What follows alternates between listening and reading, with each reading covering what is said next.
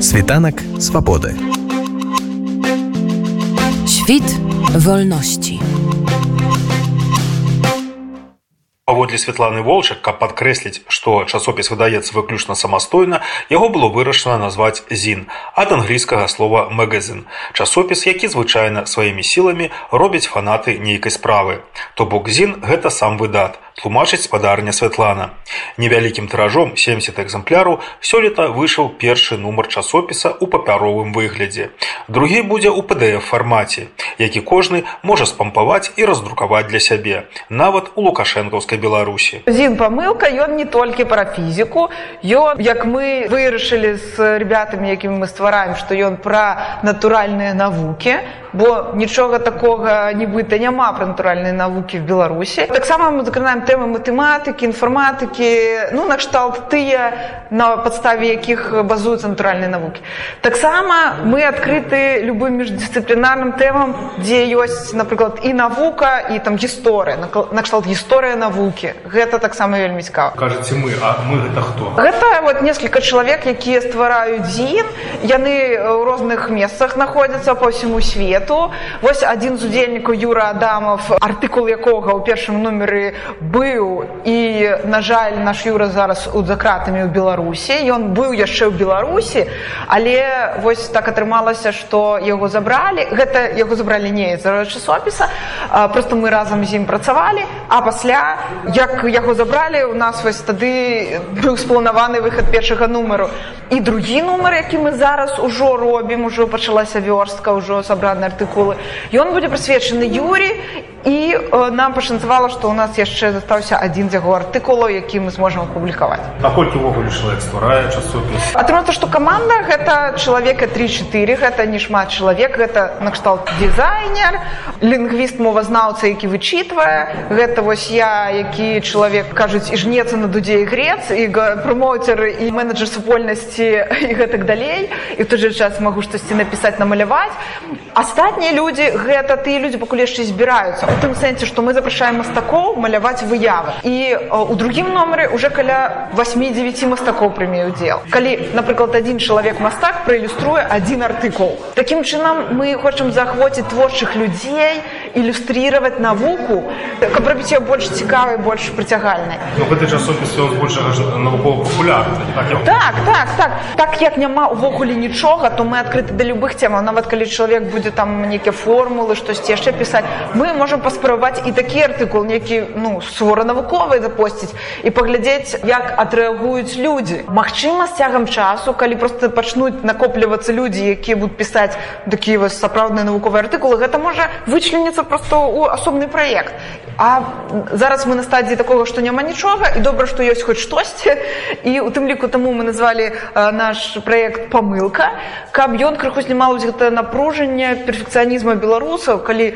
беларусы вельмі таленавітыя людзі але мне падаецца з-за іх закрытасці тэрытарыальнай закрытасці яны э, хочуць ужо калі рабіць то ідэальна а калі не ідэальна то ніяк.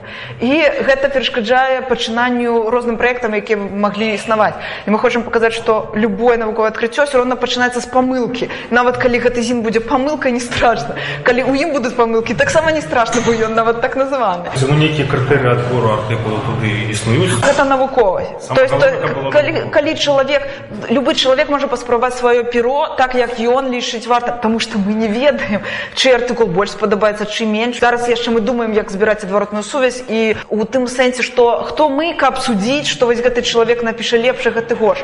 Былі спачатку ідзеі в камандзе накшталт варта по нейкім канонам перапісаць артыкул але гэта бы запатрабавала такіх вялікіх ресурсаў якіх у нас на жаль няма бо мы просто краудфандзім на гэты часопіс і няма магчымасці мець столькі людзей каб яны па нейкіх шаблонах ці крытэрыях рабілі артыкул менавіта нейкім чынам на нейкай формы ці з нейкім слогам. І таму мы предоставляем магчымасць кожнаму напісаць так як чалавек умее так як хоча але у нас як я сказала ёсць мова знаўца і гэта дзяўчына вось я е прарэкламую бо яна вядзе тым ліку там нстаграм блог Анастасія кахан яна знаходіцца в Польше.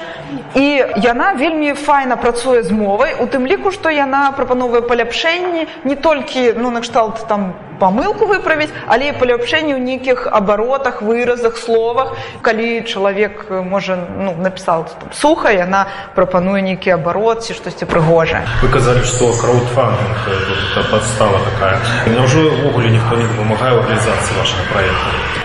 Вось на другі нумар мы знайшлі сяброў это беларусы в эстоніі якія у тым ліку захацелі падтрымаць праект бо я ведаю адтуль навукоўцаў ужо некалькі год таму натуральна у нас склаліся такія добрыя зносіны. Але у той жа час мы хочам паказаць што калі праект першасна не будзе цікавы самім людзям самім беларусам то тады можа ён і не варта каб быў недакладна пра гэты часопіс тому што менавіта калі мы пачалі краудфандинг мы побачылі что людям часопіс цікавы і яны яго готовы набываць нават за тую цану да, да за 25 евро яны готовы набываць таксама трэба сказаць что гэтыя грошы яны просто дзеляцца так прапорцыянальна некаму унёску кожнаму чалавеку які прымае удзел. І па сутнасці кожны нават вось мастак які малюе некую одну выяву атрымоўвае некую ўзнагароду. Я просто разумею гэта нават з пункту гледжання мастака бо я сама таксама малюю і разумею наколькі гэта непросто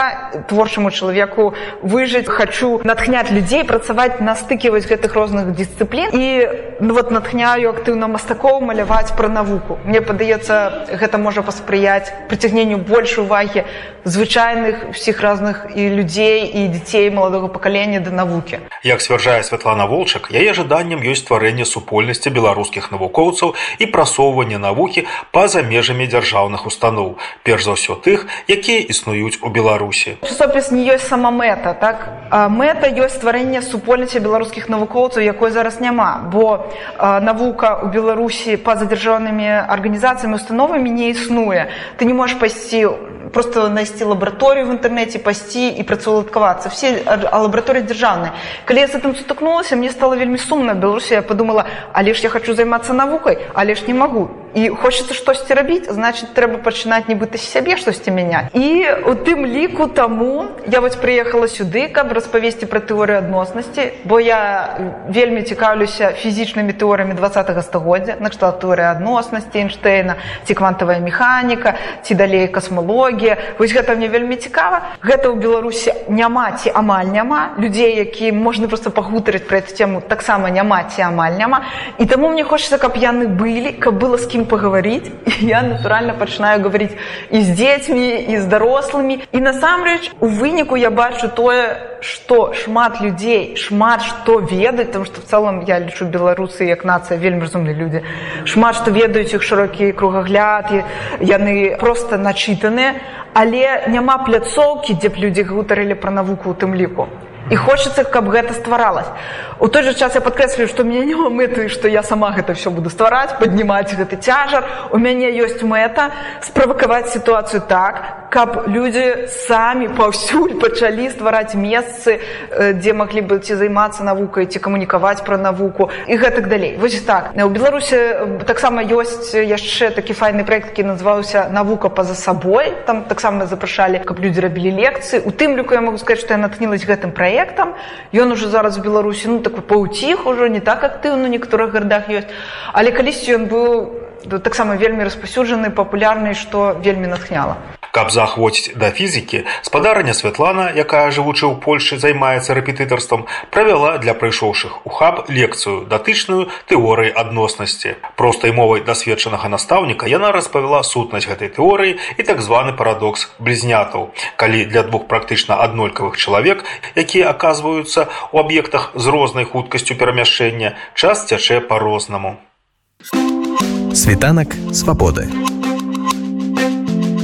Świt wolności.